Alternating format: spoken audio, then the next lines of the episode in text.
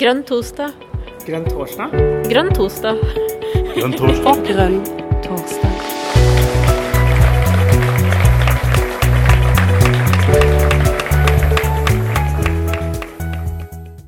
Hei, hei, Hei, Karina. folkens, og velkommen. Hei, Jon. Eh, Hei, Chris. Du kan få lov til å unmute deg nå, så du kan prate med oss.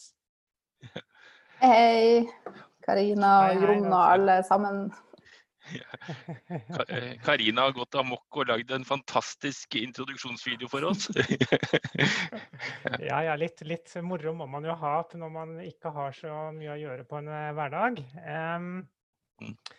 Eh, det har jo vært mye hjemmesitting for meg i det siste, så man blir jo litt preget av det, kanskje. Åssen er det oppe i nord, Chris? Jo, her, har her sitter også alle inne, og spesielt de som har vært i Sør-Norge en tur. Eh, Det gjelder ikke meg, da, men eh, det har vært mye snakk om denne søringkarantena. eh, Som gjelder for alle som har vært eh, eh, sør for Dovre, eller noe sånt som det, da. Eh, Men ute er det skikkelig ekkelt eh, vær nå med mye regn og vind og greier, så det går nå for så vidt bra å sitte inne, men det er jo absolutt eh, sånn Jeg vil si en eh, ei brakkesyke som er i eh, stigende eh, vekst. Så, eh, sånn har de fleste det. Men det er jo viktig. Hold ut. Så det er en dugnad for oss alle. Det er definitivt en dugnad for oss alle. Og er det noe vi er gode på i det grønne, så er det jo dugnader, vil jeg tro. Jeg liker i hvert fall å tenke sånn. Em, det er jo en spesiell grunn til at du gjester oss eh, her i dag. Og, det er jo fordi at eh, du er blitt, eh, du er blitt foreslått som, eh, som kandidat til nestledervervet i Miljøpartiet De Grønne. Um, Det syns jo vi er utrolig spennende. Eh, Vi føler jo at vi har et skikkelig luksusproblem eh, når vi får så mange utrolig dyktige folk som ønsker å stille opp for eh, partiet. Og da blir vi nysgjerrige, da, vet du. Eh, Hva er det du kan bidra med som på en måte gjør deg eh, til den rette? Eh, Det er vi selvsagt litt spente på. Eh, Men mest av alt kanskje vite litt mer om hvem du er. Kunne du starte med å si litt om deg selv, eh, Chris? Ja, vi har en time, var det ikke sånn? Jeg skal prøve å fatte meg i korthet. Ja, jeg heter jo da Chris. Jeg kommer fra Solvær i Lofoten, der jeg er oppvokst. Eh, Og så var jeg ute i mange år og studerte marinbiologi i hovedsak, fordi at jeg jo har vokst veldig nært havet og alltid har vært utrolig tett knytta til naturen og forstå hvordan naturen fungerer. Og så endte jeg da opp med å ta en doktorgrad eh, ved UiT eh, for Ja, det begynner å nærme seg ti år siden, da. Men i det doktorgradsarbeidet så jobba jeg med polarforskning. Så jeg prøvde å forstå hvordan det marine økosystemet i arktiske eh, vannmasser rundt Svalbard og de havområdene der, eh, hvilken rolle de spilte for eh, karbonsyklusen. Da. Dette er de aller minste mikroorganismene som er under 20 000 millimeter stor. Og det kan vi godt eh, ha et eh, egen grønn torsdag om den eh, delen av mitt liv. Men i alle fall det vi oppdaga, det var første gangen denne mikrobielle sløyfa ble beskrevet i, de, i, i europeisk Arktis. Da, at det var mange flere av dem enn vi trodde, og de var mye mer aktive enn vi trodde, også i mørketida. Og de utgjorde en utrolig mye viktigere del av den biologiske karbonpumpa enn man tidligere hadde trodd. Og mens jeg holdt på med doktorgraden og var polarforsker, som jo egentlig var den store planen, jeg vet ikke egentlig helt hva som fikk meg til å avvike fra planen, men på en hurtigrutetur eh, så ble jeg sittende og snakke med ei som holdt på med doktorgrad i oppdrett, som heter Kjersti. Og på den turen så bestemte vi oss for at vi skulle starte ei kunnskapsbedrift i Lofoten.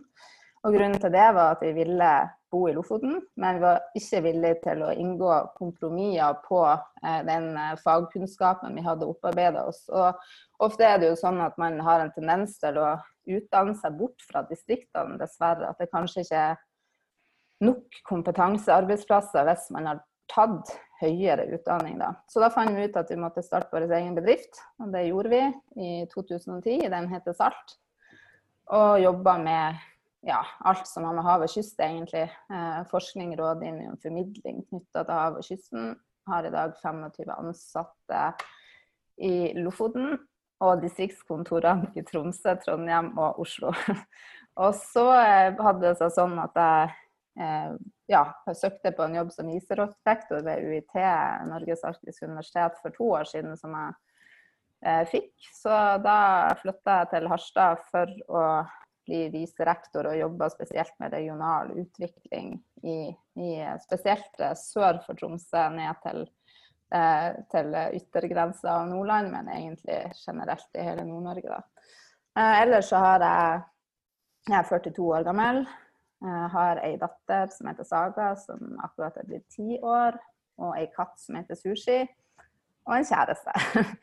Eh, så det, det, er livet kort fortalt. Og hvis noen lurer på noe mer, så må du gjerne spørre om det. Men jeg føler jo egentlig at det, ja, det er litt sånn derre eh, The path less traveled har prega livet mitt litt og har gjort at jeg på en måte gjennom valget jeg har tatt, har samla meg en god del erfaring som gjør at jeg mener at jeg kan bidra med å gjøre Miljøpartiet De Grønne sin allerede gode politikk for hele landet eh, mer synlig gjennom at jeg har jobba veldig mye med problemstillinger knytta til eh, bærekraftig samfunnsutvikling i spesielt bygd og fiskevær, ikke så mye knytta til stor by. Eh, så det er ikke doktorgraden i seg sjøl, overhodet ikke egentlig. Men det er komboen av den erfaringen jeg har fra eh, akademia som forsker, og eh, gründer i privat sektor innenfor kunnskapsintensive arbeidsplasser, og nå i offentlig virksomhet, som jeg tenkt til sammen er et veldig godt grunnlag. Eh, og selvfølgelig eh, at jeg har veldig mange tanker og meninger om hvordan vi må gå videre sammen hvis vi skal få med hele Norge på den grønne bølgen. Så eh, derfor heiv jeg meg ut i det. Jeg har jo vært eh, vurdert av valgkomiteen. Før det hadde jeg egentlig ikke tenkt at jeg skulle hive meg inn i nestledervalget allerede nå.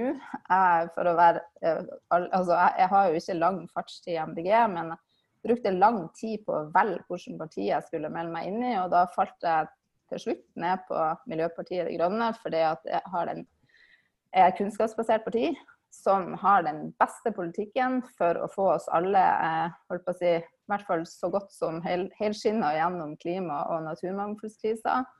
Eh, og den mest radikale politikken som er nødvendig for å lykkes med det prosjektet.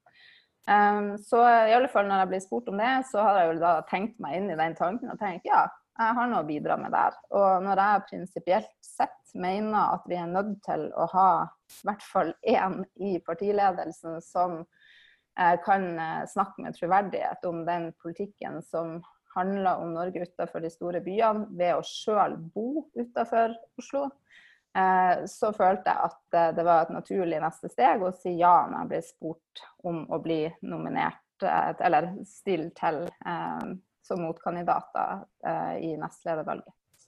Så det er liksom kort fortalt introen. Hadde du litt sommerfugler i magen når du gjorde det? Eh, sommerfugler? Nei, jeg tror kanskje mer det var ikke bare ei havørn, men en liten skvadron av havørner som, som, var egentlig løs overalt. Altså. Men det, det, her har jo vært noe jeg har tenkt over helt siden jeg ble eh, vurdert av valgkomiteen. Og så har det jo vært en lang prosess fra innstillinga kom til lanserte kandidaturet mitt eh, sammen med de som har bedt meg om å stille da, eh, i Troms og Finnmark. Så det er jo ikke et valg jeg tar lett på, overhodet ikke. Og det er jo dels for at jeg ikke ønsker å skape uro i partiet. Har stor respekt for valgkomiteen, opplever prosessen som utrolig god. Og at de som jeg nå stiller som kandidat på en måte mot i nestledervalget, er partikollegaer jeg setter veldig høyt, og som jeg har stor respekt for. Men for meg så handler det om det prinsipielle knytta til både hva vi skal målbære utad med troverdighet. Det handler om eh, maktspredning internt i partiet. Eh, og det, det handler om å på en måte stå for det som jeg mener prinsipielt. At for meg så er det et utrolig viktig veivalg for MDG eh, strategisk i forhold til å få med resten av landet og bli like synlig for den politikken vi har for bygd og fiskevær, som den vi har for by. Så ja, havørne absolutt. Men, eh, men eh, ikke minst føles det viktig og riktig. Du har jo, du har jo eh, vi har jo hatt noen eh, korte samtaler i forkant av dette. og Du har bl.a. nevnt at, at eh du, du syns det er eh, krevende, en veldig sånn spagat du må inn i, fordi at vi både har klimakrisa og naturmangfoldskrisa på én gang. Eh, hva vil du si om det? Ja, altså jeg tror jo det der er det er liksom en sånn kollektiv hodepine som kommer til syne i veldig mange saker som har eh, nasjonal betydning og blir løfta nasjonalt, sånn som knytta til vindkraft. Der vil jeg jo egentlig si at jeg er veldig altså jeg er på linje med, og jeg vil si at jeg tvilte meg frem til det i landsmøtet i fjor, men, men jeg er på en måte på kompromisslinja. Um, det er jo litt sånn at vi hvis vi bare konsentrerer oss om å løse naturmangfoldskrisa, men ikke gjør noe med klimakrisa, så går det åt skogen. Og konsentrerer vi oss om klimakrisa og finner løsninger på den, og tar ikke hensyn til naturmangfoldskrisa, så går det også åt. Så det er noe med at det er to parallelle kriser som begge er veldig alvorlige, og som begge påvirker selve livsveven vi omgir oss med, og ikke minst en del av. Og da må vi løse begge delene på en gang. Og det tror jeg jo at vi opplever allerede mye press rundt, og jeg tror det kommer til å bli enda tydeligere fremover når vi må begynne å tenke sånn i hvert eneste lille eh, si, sakskompleks, også i kommuner og alt det her, med å, å hele tida eh, bruke kunnskap til å prøve å løse begge delene samtidig så godt som mulig. Og vindkraft er jo et godt eksempel på det. for jeg mener jo at vi må ha eh, Vi må få på, fote ganske fort eh, fornybare energiløsninger som kan erstatte eh, ikke-fornybar eller fossil energi, ikke bare i Norge, men mange andre plasser i verden. Og da må det jo gjøres på en eller annen måte. Men jeg er ikke villig til å ofre uberørt natur for å få det på plass. Og derfor så føles egentlig det kompromisset ganske bra at, at, vi ble enige om at vi kunne gjøre det i områder som allerede hadde større menneskelige inngrep. Eh, og så er det jo sånn at det er mange som tror at Norge er uberørt natur. Jeg tror ikke det er så mange som sitter her akkurat nå kanskje som er, lever i den villfarelsen, men det siste jeg har lest, i hvert fall er at det er ca. en tiendedel av det norske landarealet som i dag kan defineres som uberørt natur, altså at det er lenger enn fem er, fra større menneskelige inngrep. Eh, og Det samme gjelder her som jeg bor, i Troms og Finnmark, der man kanskje tror at det er liksom villmark, eh, men det er egentlig litt det samme problemet der de store liksom, sammenhengende områdene med relativt uberørt natur de blir mindre og mindre, og de støkkes opp av veier og av ja, eh, forskjellige menneskelige installasjoner som settes opp. Og det et problem som er et ansvar vi alle har, og som kommer også ned i kommunepolitikken. Så det med å, å, å verne, eh, vern myr og, og, og, verne skog og kystnatur og alt det her, det må på en måte befinne seg i hele rekka fra det nasjonale eh, mm. nivået og ned til eh, det som kommunepolitikere setter og avgjør i forhold til arealplaner og alt sånt. Så begge delene samtidig, og det er utrolig utfordrende og krevende, for vi har dårlig tid. Men vi har ikke så dårlig tid, eller vi må likevel ta oss tid til å finne de løsningene som skal få oss igjennom begge de to krisene samtidig, sånn at livsveven ikke rakner videre, og at vi har mulighet til å reparere det. Mm. Ja, Det var et uh, kort svar på et uh, lite spørsmål, så takk for det, Chris. Uh, nå er det sånn at Eh, vi, vi, er jo på et møte på en måte. Eh, rent sånn teknisk sett så, så stå, sitter egentlig Chris, Jon og jeg på en, på en, scene, mens dere sitter i en sal. Vi har mulighet til å gi dere en mikrofon, eh, men per nå så, så, så holder vi nå på her, da. Dere har full mulighet til å sende inn spørsmål i chatten. Vi ser på chatten underveis for å fange opp spørsmål. Um, og så vil jeg også si at selv om dere på en måte sitter sånn ute i, i denne salen, og er slags publikum, så føl dere som hjemme, folkens. Det er åpenbar. Føler du deg for at du skal, eh, trenger noe, så bare går du i kjøleskapet, tar akkurat det du vil ha. Ordn en kaffekopp eller en tekopp. Eh, det er on the house. Så bare føl dere virkelig som hjemme. Det er, det er, nesten sånn at det ser ut som hjemme, faktisk. Eh, Jon eh, Jeg har jo en liten sånn eh, liste med spørsmål her. Um, ja, så kommer det et spørsmål her om hva som er forskjellen på QAA og spørsmålet chat. I QAA så er det slik det er kun vi som ser det, mens i chatten så kan alle se det. Det er uh, forskjellen. Uh, av de spørsmålene vi har fått inn, så kan du trekke en opp av hatten og stille til Chris. Vær så god, Jon. Takk.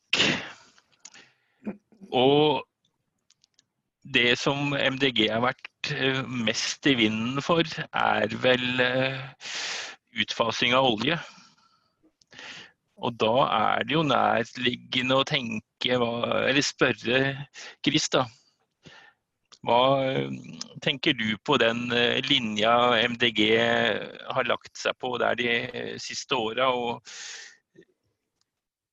hvor fort skal dette skje? Og sånn.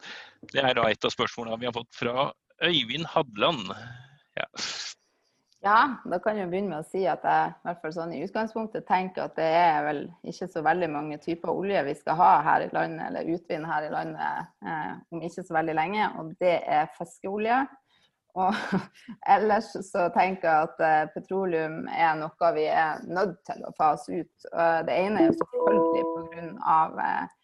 Eh, klima, klimakrisa vi står i, der, der no, det er så utrolig mange årsaker til at en, en, nasjon som Norge ikke kan fortsette med denne type utvinning av en fossil eh, ressurs som eh, skader eh, atmosfæren vi lever i. Eh, det har jo også med å gjøre at vi begynte med den utvinninga. Vi, vi, visste jo ikke bedre når vi gjorde det tror jeg ikke. Men jeg tror det gradvis har kommet kunnskap om det. Men det betyr jo at vi har bygd en ufattelig velstand og et velferdssamfunn eh, på inntekter fra noe vi i dag vet eh, skader eh, naturen og, og vår egen livsvev. Og, og, det gjør at den rikdommen vi har, og den kunnskapen vi har utvikla, og den teknologien vi har utvikla, jeg føler at vi har et veldig sterkt moralsk ansvar for å bruke den i det grønne skiftet. Og jeg blir utrolig frustrert over at den argumentasjonen som brukes eh, i forhold til at vi skal liksom bare fortsette som at det ikke skjer, for at vi er så redd for at vi ikke skal kunne drive med noe annet. Eh, jeg tenker at Det er ingen som har et så godt utgangspunkt som nettopp Norge til å være ei ledestjerne i det grønne skiftet. Eh, vi har pengene til det, vi har kunnskapen til det, vi har teknologien til det, og vi har et moralsk ansvar for å gjøre det. Eh, og så er det jo det andre som er viktig, og det bruker jeg ofte i argumentasjon for folk som ikke tror at eh, klimakrisa finnes, hvis det går an å si. Eh, eller at de i hvert fall ikke mener at mennesker har noe med det å gjøre.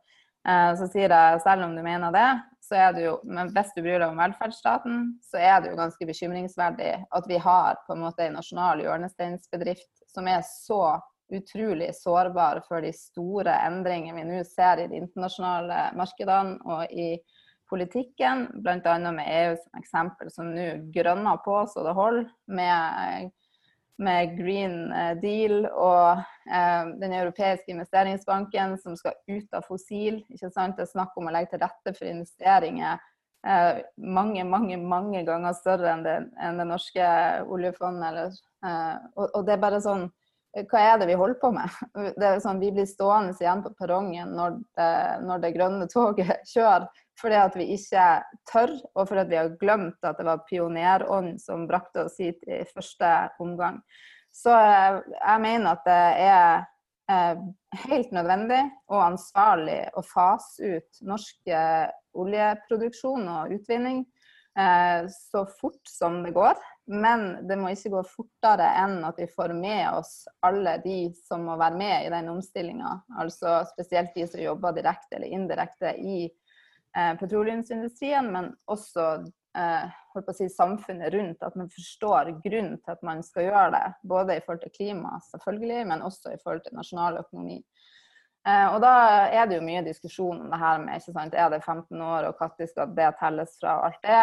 Eh, jeg er opptatt av at vi er nødt til å sette et mål. ikke sant? Vi kan ikke bare si ja, vi skal gjøre det gradvis. Vi må, ha en ambisjon som er målbært. ikke sant? At vi, vi, skal, vi skal, til dette målet innenfor så og så lang tid. Og den, den, tidsperioden der kan ikke være for kort, og den kan ikke være for lang. Så, så jeg, jeg er vel kanskje litt usikker på om det burde være liksom akkurat 15 år, men, men det må være ambisiøst. Og vi er i stand til å omstille oss. Eh, og det ser vi jo eh, nå når vi står i en eh, ufattelig vanskelig situasjon med koron koronakrisa, der vi ser hvor fort omstilling kan skje.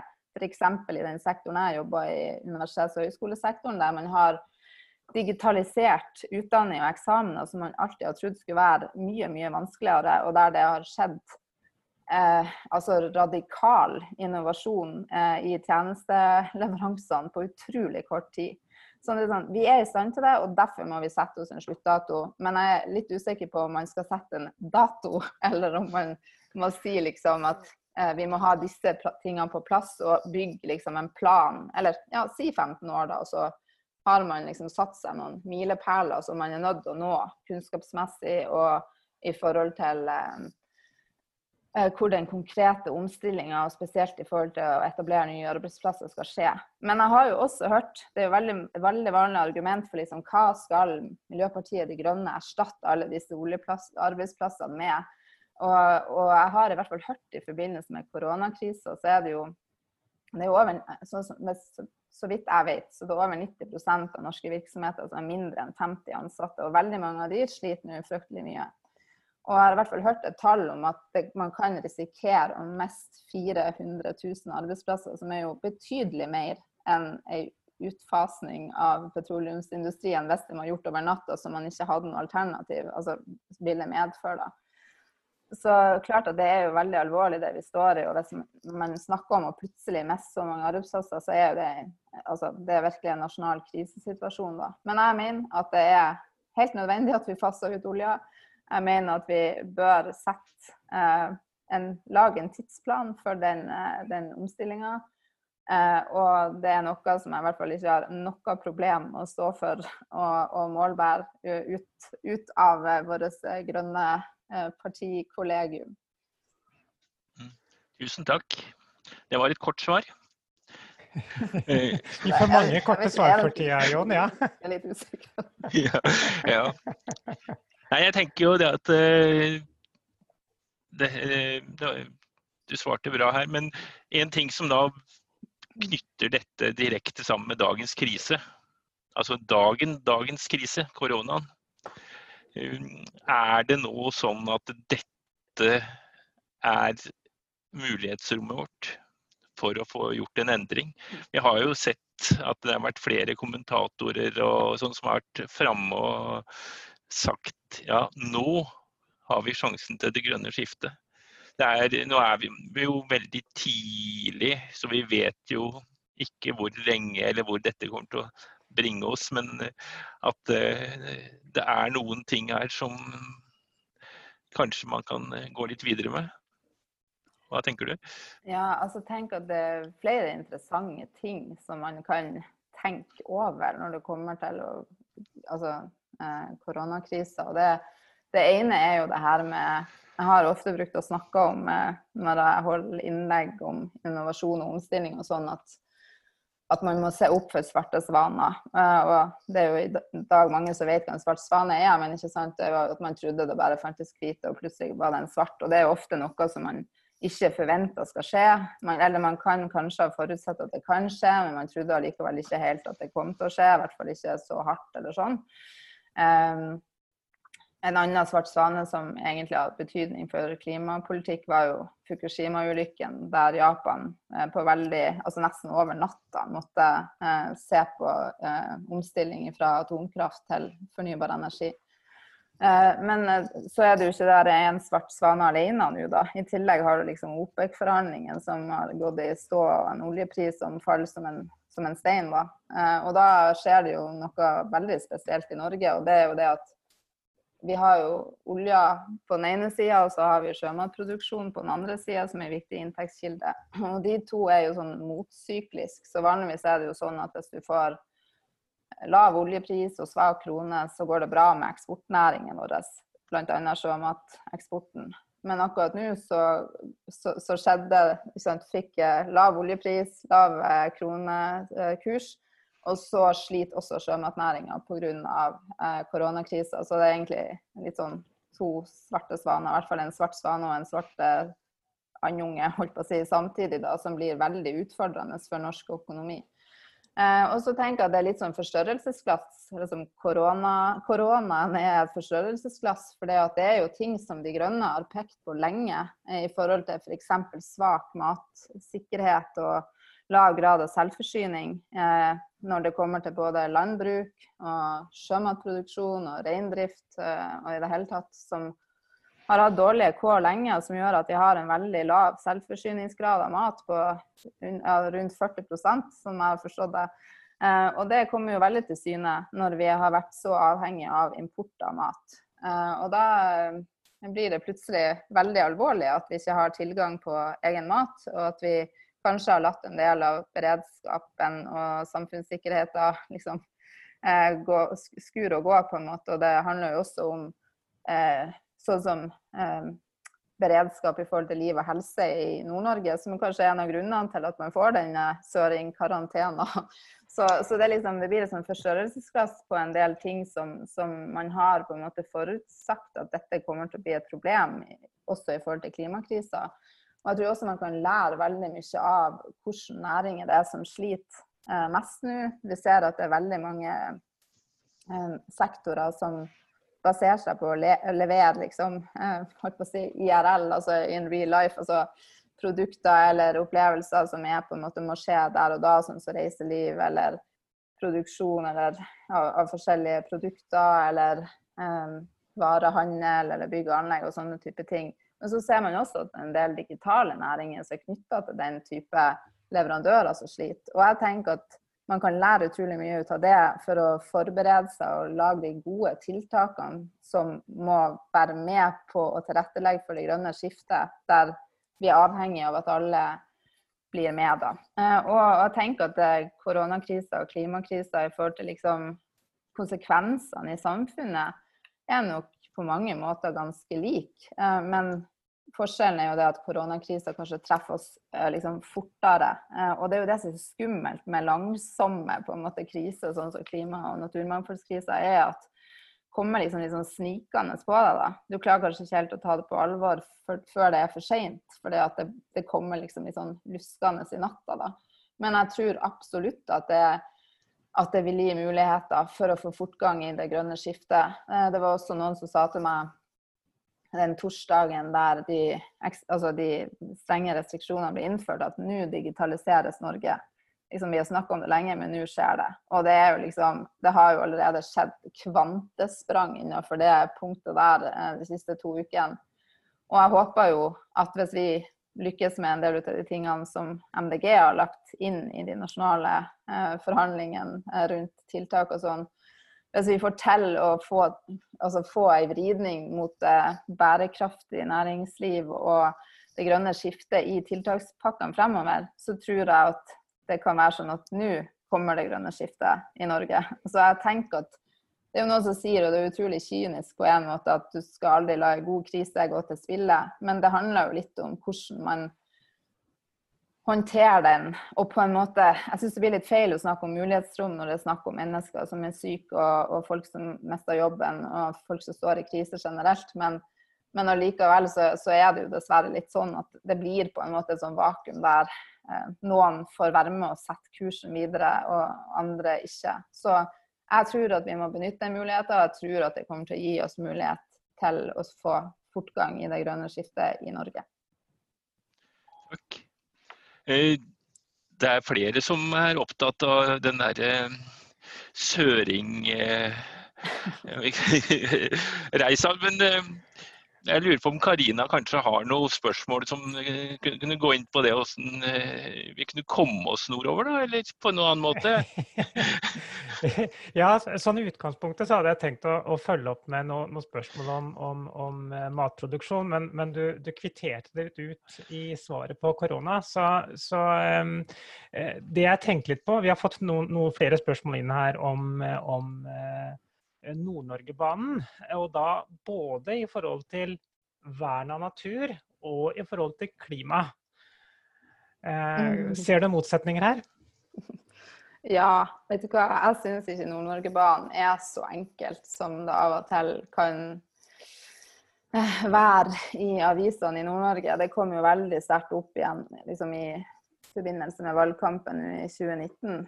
Um, og det er jo utfordrende. Eh, for i Nord-Norge så finnes det per i dag bare én grønn måte å reise eller sende gods på og bare for å ha det sagt, så er Nord-Norge på mange måter en råvareleverandør som er veldig avhengig av eh, eksport av eh, råvarer.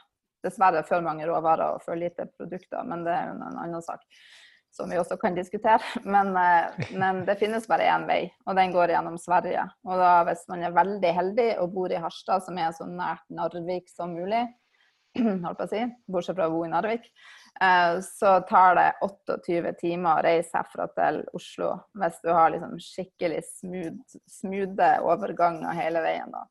Og det er jo klart at den ingen som har det så travelt som en død fisk. Og folk har det også ganske travelt på å si, i hverdagen hvis de skal på en eller annen jobbreise til Oslo. Så det er jo veldig utfordrende. Eh, så så vi trenger jo en eller annen form for karbonnøytral eh, transportåre mellom Nord-Norge og, og, og, resten av Norge og, og verden, holdt på å si, der vi per i dag eh, selger mange av produktene som, som vi holdt på å si, er avhengig av for å ha verdiskaping og sysselsetting i den landsdelen jeg bor i. da.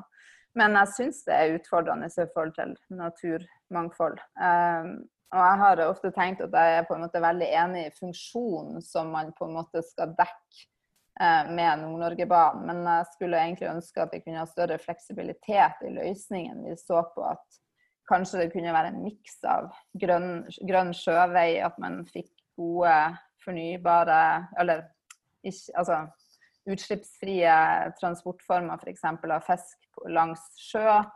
Så liksom eltransport fra f.eks.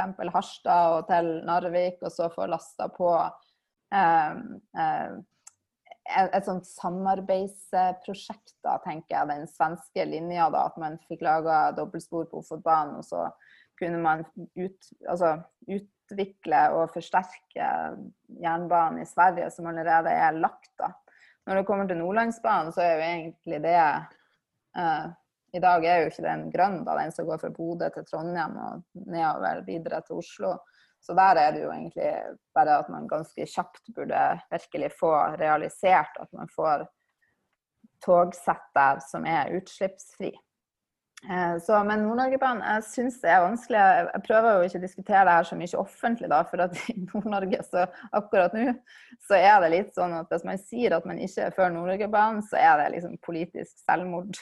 Og selv om man skulle begynne å prøve å forklare det veldig innfløkt hva man mente med det, så er jeg ikke helt sikker på om man liksom når helt igjennom med det. Og så er det jo litt at spesielt fra Tromsø og nordover inn, i Finn, altså inn i, mot Finnmark, eller tidligere Finnmark, Eh, nå er det jo Troms og Finnmark, men eh, så, så tenker liksom hva er det vi skal med jernbanen? Ja, det er nå i hovedsak for å frakte gods.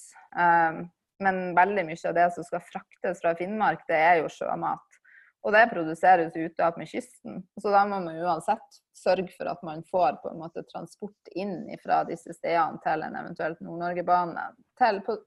Som da det ville være store naturmessige omkostninger å etablere. Da. Så jeg syns det er et veldig vanskelig spørsmål. Men jeg tenker i hvert fall det vi kan, eller må gjøre i første omgang hvis man skal realisere det, om Nord-Norge-banen på en måte blir jernbane, eller om det blir en kombo av andre typer eh, transportformer, da, så, eh, så, tenker jeg at det må være eh, At man er nødt til å begynne med å, å realisere den utbygging av et sånt dobbeltspor på Ofotbanen. Og for de som ikke vet på Ofotbanen, så går det fra Narvik og inn i Nord-Sverige, da. Men det, det er vel en jernbane i Norge som har mest eh, sånn altså kvantum, holdt på å si. Nei, det er ikke det det heter. Tonnasje. Det, det går utrolig mye gods over der. Både malm som kommer ned til Narvik, men også sjømat som går over den. Eller eksportartikler generelt. Og det andre er jo å få eh, grønnmalt Nordlandsbanen så fort som overhodet mulig. da. Så håper jeg det kan liksom kjøpe oss litt tid for å finne ut om det finnes andre løsninger i andre deler av det som er, er planlagt, da. Eh, også mm. kanskje få det belyst jeg tror vi begynner å forstå, Jeg tror vi begynner ja. å forstå uh, hvor du vil hen med det. Ja. svaret er at det er ikke rett fram, men du vil gjerne ha tog det, ja, eller jeg vil i hvert fall ha det, det, få dekket det behovet som toget ja. skal dekke. Og så vi skjønte det. Vi skjønte, vi skjønte det. Nå, ja. stoppa jeg der. For, vi, det er masse andre ting som skal besvares. Og jeg er litt utålmodig, må jeg få lov til å være, Chris. Ja, eh, vi, har, vi, har kjempe, vi, har, et kjempespennende spørsmål fra Karl Johansen, eh, som, som, skriver Hei, Chris. Hva tenker du er det viktigste? Eh, strategiske eh, prioriteringene og sakene som MDG bør satse på frem mot valget 2021. Altså de viktigste strategiske prioriteringene for MDG og de sakene som vi bør virkelig satse på frem mot valget 2021. Jeg syns dette var et kort, lite, enkelt spørsmål. Vær så god, Chris. Ja, du syns det. Ja, altså det strategiske føler jeg jo på en måte Ja min, fra mitt ståsted da, så er jo noe av det aller viktigste vi må ha liksom, altså strategien vi må, må, ha fokus på, er jo å få med hele landet på den grønne bølgen. Eh, det er jo derfor jeg stiller som kandidat til nestledervalget. For jeg mener at, at eh, vi har blitt så gode på den historien om den bra grønne bypolitikken vi har, at nå må vi på en måte ha ekstra fokus på det vi er god på også utenfor de store byene. Jeg tror at eh, valget i 2021 eh, Det er jo ikke akkurat sånn at du trenger å være et geni for å tro det. er jo at det kommer til å handle veldig mye om klima og miljø på den ene sida, og så kommer det, kommer det, til å handle om distrikt i veldig stor grad. Og det har det jo gjort allerede lenge, men det kommer nok til å forsterke seg. Og da er det noen partier som kommer til å på en måte bli målt opp mot det mer enn andre. Og der tror jeg at vi i Miljøpartiet kommer til å komme ganske langt opp på den lista. Det, det, det er jo ynda å fortelle en historie der vi bare tenker på by. Og det er jo ikke sant mm. hvis man leser i partiprogrammet, men vi må bli enda flinkere på å kommunisere den historien og må albue oss rom i media på det. At vi får ta eierskap til den politikken, vi også. At det ikke bare er Senterpartiet som får liksom snakke om det, da. Eh, og saker, ja.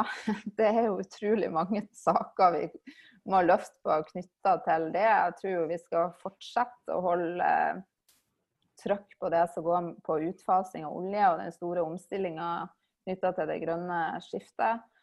Og der tror jeg vi også må ha veldig fokus på å fylle Altså vi har jo en god resolusjon på planen vår for Norge etter olja fra landsmøtet i fjor, og den tror jeg vi bare må fortsette å bygge på og liksom fargelegge og, og, på en måte male ut hva, og bli enda mer konkret på hva det er vi tenker at de nye arbeidsplassene skal være. Og det inkluderer både nye høyteknologiske og kompetansetunge arbeidsplasser, men at også sånn som altså mange av de primærnæringene vi har, er grønne næringer på veldig mange måter, som kanskje bare trenger noen justeringer for å bli enda bedre for både mennesker og miljø. Da.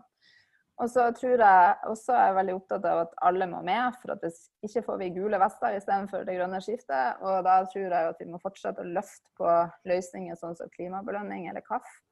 Og vi må på en måte ja, ha fokus på det eh, på, på, å utvikle enda flere av den type tiltak. Um, så blir jo det viktige da i forhold til det grønne skiftet denne spagaten mellom klimakrisa og naturmangfoldskrisa. og og, fortsette å være en premissleverandør og en stemme som sier at vi må passe på begge delene. Eh, vindkraft kommer fortsatt til å være i vind, eh, og da må vi, vi, bare fortsette å være helt sikre på at det er klinkende klart for alle hva vi mener om det. Eh, både når det kommer til landbasert vindkraft, men også at vi ønsker kunnskap og og ikke vil utbygge havvind for enhver pris i ethvert område, men at det alltid skal legges til grunn at det ikke eh, skader eh, miljøet. Da.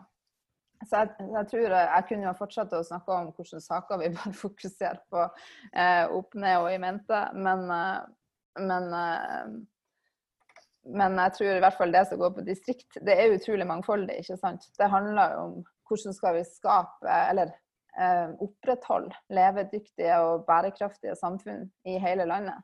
Eh, i det grønne mm. skiftet. Jeg tror at det der kommer til å bli en konfliktlinje som kommer til å bli snakka veldig mye om. Og vi så det jo nå rundt det med fergeprisene, ikke sant. Og der mange politikere eh, fra andre partier kanskje spesielt har en tendens til å liksom sette eh, elektrifisering av sjøveien opp mot på en måte tilbudet til lokalbefolkninga og sånn. Så vi må bare hele tida følge med hvor de konfliktlinjene dras opp. Mange av dem er kunstige, og så må vi komme på banen igjen og igjen og igjen og fortelle hva det er vi egentlig mener i de sakene. For å få med alle, og for å ja, ha troverdighet i de sakene som angår veldig mange nordmenn som, og velgere som bor utenfor de store byene. Og så er det jo også sånn da at uh, når vi først snakker om det som skal skje til neste valg, så uh, nå er det en rekke mennesker som blir permittert. Noen mister til og med jobben sin. Uh, så økonomi vil nok også være en del av bildet til valget i 2021. Um, må vi endre det økonomiske systemet vårt? Hva tenker du rundt det? Hva tenker du om grunnlønn, f.eks.? Altså, jeg er jo jeg så, jeg så, så vidt at det fløy forbi chatten i sted også, det her med at, at um, Ja, ikke sant altså det, det, her med krisehåndteringa i forhold til korona, det er jo ekstremt krevende. Jeg er ganske glad for at jeg ikke er Erna Solberg akkurat nå. Og så vil jeg tenke at det er utrolig krevende. Skal man ha liv og helse på en måte i en sånn akuttsituasjon på den ene sida, og så har vi jo liv og helse eh, i et mye liksom, mer indirekte perspektiv, men som også blir akutt. da. Eh, og eh, og, men spørsmålet gikk på det økonomiske systemet. Ja, og det kommer vi jo inn der. Ja, men alt ja. det her henger sammen. Så, så tenk at, eh, at, eh, jeg tror jo det er et veldig godt tidspunkt for å diskutere den type ting. Både borgerlønn, som har vært litt sånn litt kanskje tvilende før, men så tenker jeg sånn her, ja, det vil være et godt tidspunkt å teste ut på. Jeg har også jobba i eid og jobba i og leda i bedrift eh, som, i privat sektor som testa ut seks timers arbeidsdag, som jeg også tenker kommer til å ha mer relevans i den perioden som ligger fremfor oss. Eh, men, eh, men, helt hvordan økonomisk system eh, det skal være, det har ikke jeg svaret på her i kveld, altså. Men jeg tror at, eh, at, at diskusjonen er på en måte åpna. Det gir også muligheter for endringer, fordi at vi er sårbare eh, med de store si, nasjonale inntektskildene vi har, og det økonomiske systemet vi med mange andre i Vesten har lagt til grunn. Mm, mm. Ja, det åpner seg muligheter, det er helt åpenbart. Hvilke andre muligheter er det du eh, ser eh, for Jon for å kunne stille spørsmål nå? Hvilke spørsmål er ditt nå? Nei, Det er flere som er innom eh, organisasjon, da. altså MDG. Eh, hva du vil bidra med? Hva, eh, du har jo benka deg mot LAN. Hva er det du organisatorisk kan bidra med? Du, eh, hvis jeg fulgte med når du beskrev bakgrunnen din, så var det jo mest akademia du hadde bakgrunn fra. Og eh, hva slags organisatoriske erfaringer har du? Hva er det du vil bidra med inn organisatorisk? Ja, altså Ja, nå kan jeg jo Ja, jeg, akademia er jo en del av det. Nå har jeg jo starta i bedrift som jeg jobba i over åtte år da, etter det, i Lofoten. Mm. Etter at jeg endte, eller var ferdig med doktorgraden. da. Når jeg jobba i eh, akademia, så Jeg har jo ikke vært aktiv i partipolitikken siden jeg var 19. Eh, men etter det, eh, på universitetet, da, så har jeg jo sittet som valgt representant på, i styrer fra, på instituttnivå, fakultetsnivå og universitetsnivå. Det har i hvert fall gitt meg ganske godt innblikk i hvordan man arbeider i den type organisasjoner. Og universitetsstyret så er det jo ganske mange tusen mennesker man sitter og på en måte forvalter ja, planer og utvikling og alt sånt for. Jeg har også vært eh, valgt president for en stor internasjonal eh, forskerorganisasjon i forbindelse med det internasjonale polaråret. som jeg var med og etablerte. Så der har jeg vel også ganske god erfaring med hvordan man jobber på tvers av verden, faktisk. Både Arktis og Antarktis forskning med, med folk i, i styre og stell fra mange forskjellige land. Eh, så har jeg jo da vært leder av ei bedrift i privat sektor som har gitt meg ganske mye erfaring på hvordan man gjør det, og hvordan man jobber opp mot både sine egne nære ansatte, men også Eh, de rundt dem i forskjellige sektorer som man har som kunder eller samarbeidspartnere. Og så har jeg jo da nå eh, fått erfaring som viserektor i hvordan man eh, leder i ledergruppe for en organisasjon med 4000 ansatte og 18 000 studenter fra Longyearbyen til Mo i Rana, så absolutt desentralisert organisasjon der. Og så har jeg jo, selv om jeg har vært kort tid i MDG, så har jeg jo har vært eh, så si, heldig at jeg har fått mye tillit og tatt en god del ansvar. Da. Så jeg har jo sittet i, litt i styret i MDG Harstad der jeg sitter nå, og var leder i en overgangsfase der nå i høst. Eh, og så har jeg jo sittet i fylkesstyret i Troms og Finnmark. Og det som har vært veldig slående for meg, som jeg tenker har betydning for mange i, eh, i Miljøpartiet når det kommer til videre organisasjonsutvikling, særlig hvis vi kommer liksom over eller ikke hvis, når vi kommer over sperregrensa og får ei stor stortingsgruppe, så er det jo det å sørge for at vi eh, organiserer oss på en sånn måte når vi får bedre økonomi, at de som er medlemmer og folkevalgte og eh, si, frivillige eller engasjerte rundt MDG på lokalt og regionalt nivå, får gode rammebetingelser for å utvikle seg eh, i forhold til politikk og organisasjon, og utvikle f.eks. lokallaget sitt eller fylkeslaget sitt. For det vet jeg i hvert fall fra styret i Troms og Finnmark at det er ikke helt enkelt i dag. Da er det ofte sånn at man må velge mellom om man skal sette av penger til valgkampfond, eller om man skal drive med skolering eller ha samlinger av eh, medlemmer og aktive i fylkeslaget. Og sånn er det jo bare sånn er det jo bare når man ikke har så mye eh, midler eh, foreløpig. Så derfor blir jo valget i 2021 veldig viktig også på den måten. Men når vi får bedre økonomi, så tenker jeg at sånn kan vi eh, altså Da må vi gjøre noe. Vi må gjøre noen store grep der. For det er på en måte våre medlemmer eh, ute på, på, si, på, på bakkenivå rundt omkring i det ganske land som utgjør den store politiske krafta og snakker med flest potensielle velgere. og sånt. Så jeg er veldig opptatt av det. Jeg også eh, veldig eh, opptatt av dialog og samarbeid og, og få innspill fra andre. Eh, og jeg, er veldig sånn, jeg har i hvert fall hørt at jeg har en inkluderende stil. Eh, det kan jeg jo ikke helt vurdere sjøl, men jeg tror at jeg både har erfaring fra ulike organisasjoner, og at jeg har en del personlige egenskaper som gjør at jeg har noe å bidra med i ledelsen i MDG. Ja, jeg tror jeg stopper der. Jeg hadde et spørsmål, men jeg føler vel at du egentlig var litt innom det. Hvordan du vil påvirke MDG som organisasjon hvis du blir med. Jeg, eller hvis du blir nestleder, men eh, jeg tror det var, egentlig ble litt dekket opp av det. Eh, tenk, du, vurderer du både, Det er både uavhengig om du skulle bli nestleder og ikke det å prøve å få topplassen på stortingsvalglista? Eller eh, er det for tidlig å spørre om det?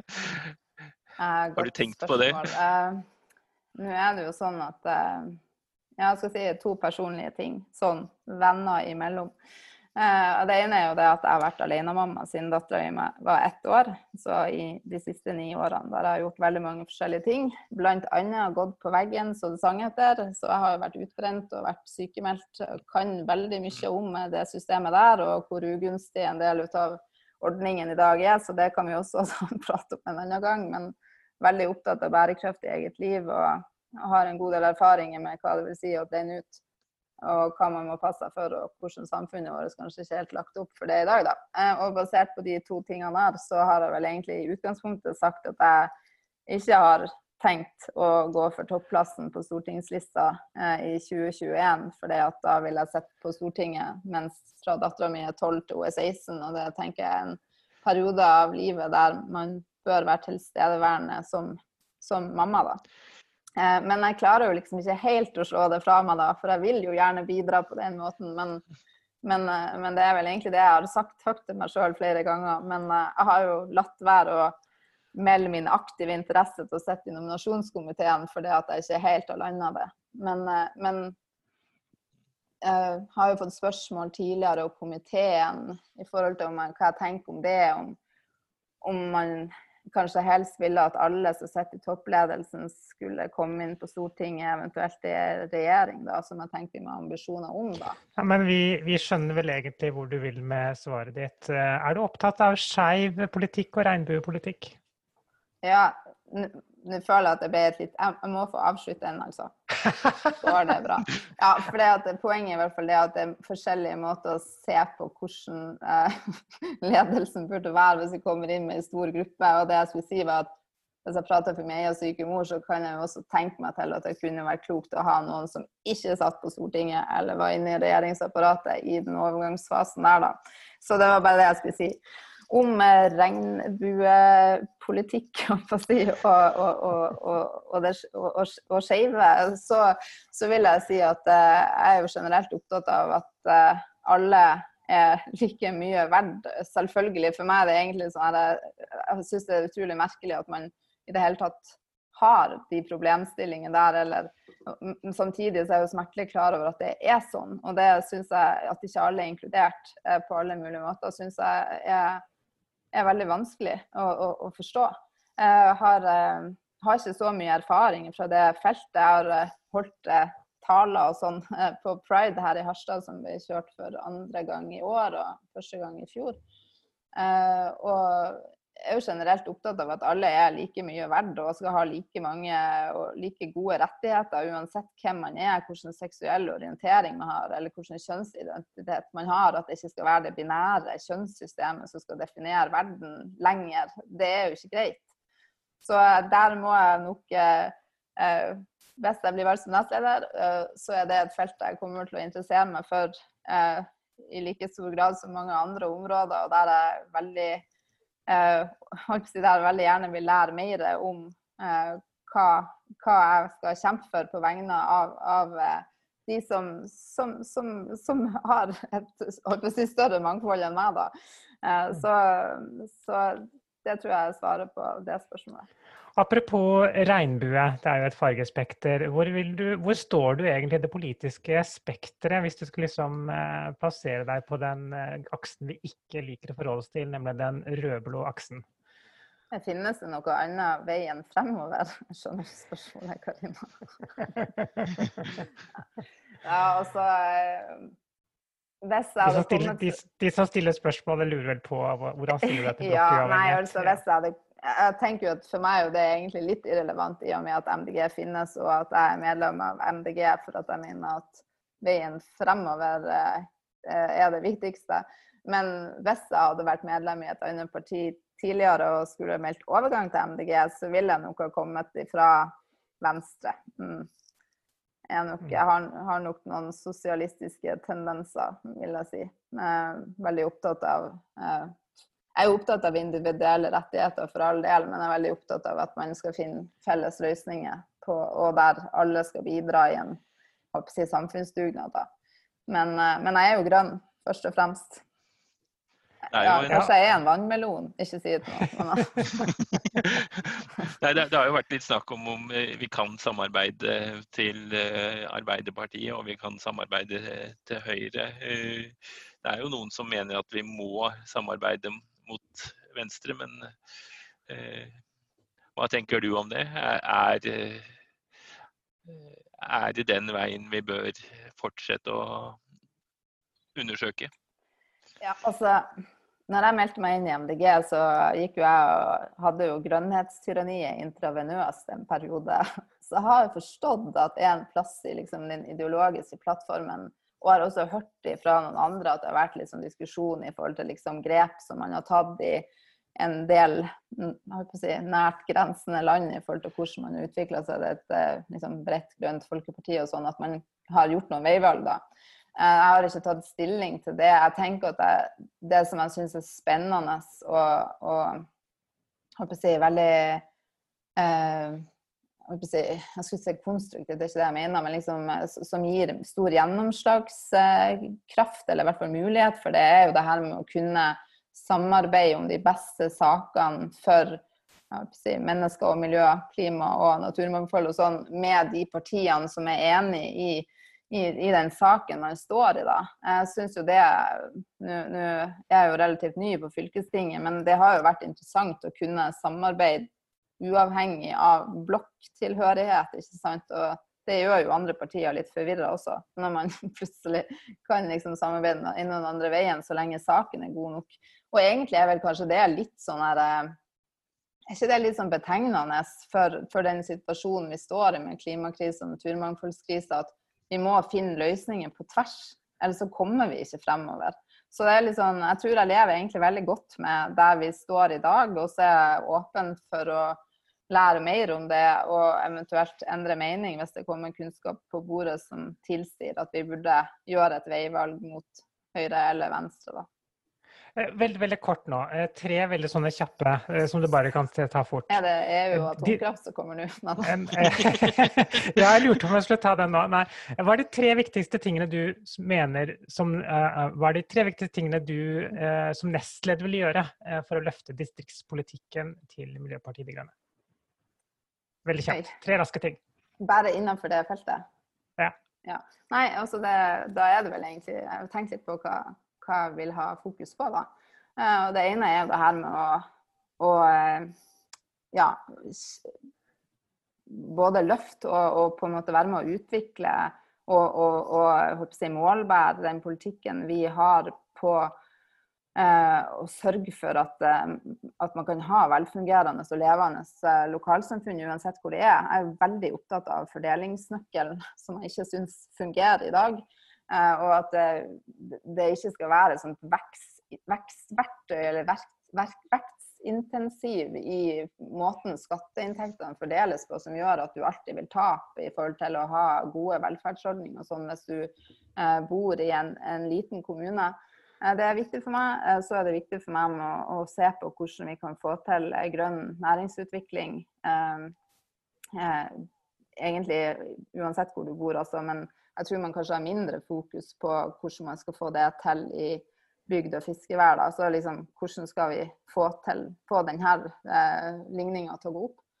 Eh, og så det siste er jo da samferdselsløsninger. Eh, og der, Det er jo ikke det at vi ikke vet det i MDG fra før av, men det er ekstremt viktig for meg at eh, når vi snakker om grønn transport eller grønn samferdsel, så er det ganske forskjellige løsninger i en by eller i ei bygd eh, i, si, i østlandsområdet, eller hvis det kommer til et fiskevær i Nord-Norge. Og det å tenke, ha nok kunnskap og, og finne løsninger som passer, altså der kartet stemmer overens med terrenget, egentlig, eh, det tror jeg ja, De tre tingene tror jeg kommer til å mm. være veldig viktige eh, for veldig, meg å ha fokus. Mm. Veldig bra. Og så har vi et sånt eh, koselig enkeltspørsmål eh, sånn på tampen. ja, du kan du glede deg. Eh, du benker jo mot eh, LAN i praksis. Eh, og da er jo spørsmålet kan du skaffe oss flere velgere enn MDG-LAN? mm. og hvis ja, hvordan? Ja, skal jeg takke han Tommy for det spørsmålet, eller? Det ja, det kan du. Det kan ja, nei, altså tenk at uh, det er jo et legitimt spørsmål. Og så tenker jeg egentlig at jeg er kanskje uenig med premisset for spørsmålet. For det er kanskje ikke det om jeg kan uh, tiltrekke oss flere velgere enn Olan. For Olan er en utrolig profilert politiker som trekker utrolig mange velgere. Men jeg tror at jeg kan trekke noen andre velgere som vi ikke har i dag. Så det er vel kanskje i komboen av at hun er profilert som byråd i Oslo, og jeg da eh, kanskje blir nestleder, at vi kan eh, tiltrekke oss enda flere som tror på den grønne politikken, og som vil hjelpe oss over sperregrensa i 2021. Mm. Det var veldig eh, konkret besvart. Hva tenker du om det svaret, Jon? Det var overraskende bra. ja. Overraskende bra, eller overraskende ja, det var, bra? Dette var veldig, veldig godt svart, ja. Så, Ja, da kan vi begynne, Nå er det bare ett minutt igjen, så da kan vi begynne å snakke om EU og atomkraft. Kan vi ikke det? Ja. Eh, jo. Da De tar fikk de, jeg tar de nemlig enkle debattene. ekstra spørsmål i, i, når jeg var til vurdering hos valgkomiteen. EU jeg er agnostiker, eh, kan jeg si. Egentlig har alltid vært nei, og så er jeg litt usikker nå, fordi jeg syns at EU gjør så mye bra på det grønne skiftet. og veldig mye bra som er veldig sånn håndfast, og som de kan følge opp og sette makt bak kravene eh, i forhold til miljø- og klimapolitikk. Eh, men jeg har fortsatt ikke bestemt meg, så agnostiker. Eh, og så atomkraft. Mm, litt usikker, men eh, jeg kunne tenkt meg til å lært mer om det for å se på om det kunne være noen løsninger f.eks. knytta til thorium som kunne kjøpe oss tid til å på en måte komme oss ut av klimakrisa. Så det er jo veldig korte svar på to veldig omfattende spørsmål. Men generelt er jeg jo veldig opptatt av at det skal være kunnskapsbasert, og at man må ha en god dialog eh, i lag for å finne de beste løsningene. Veldig, veldig bra. Og så bare et aller, aller siste spørsmål før vi avslutter. Eh, og det er, for at det er kommet flere ganger i chatten. Dersom du blir nestleder, kommer du til å flytte til Oslo? Eh, nei, det har jeg ikke tenkt til. Det er det Når vi kommer inn på. Stortinget, så må du kanskje flytte. Ja. Ja, men nå snakker vi kun om nestleder. Ikke Ja.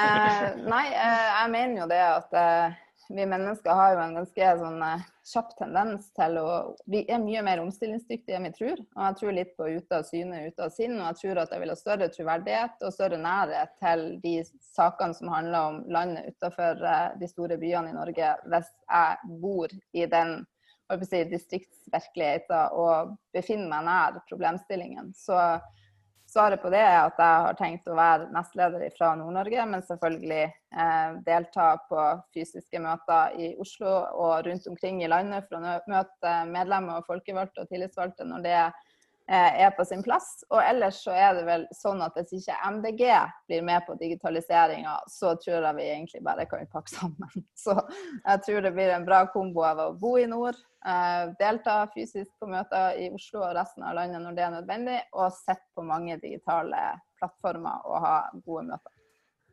Veldig bra. Det får bli siste ord. Tusen, tusen takk, eh, Chris, for at du var med oss. Ja, takk for at jeg Så fikk blir det jo komme. Og Ja, takk til alle veldig bra. så på.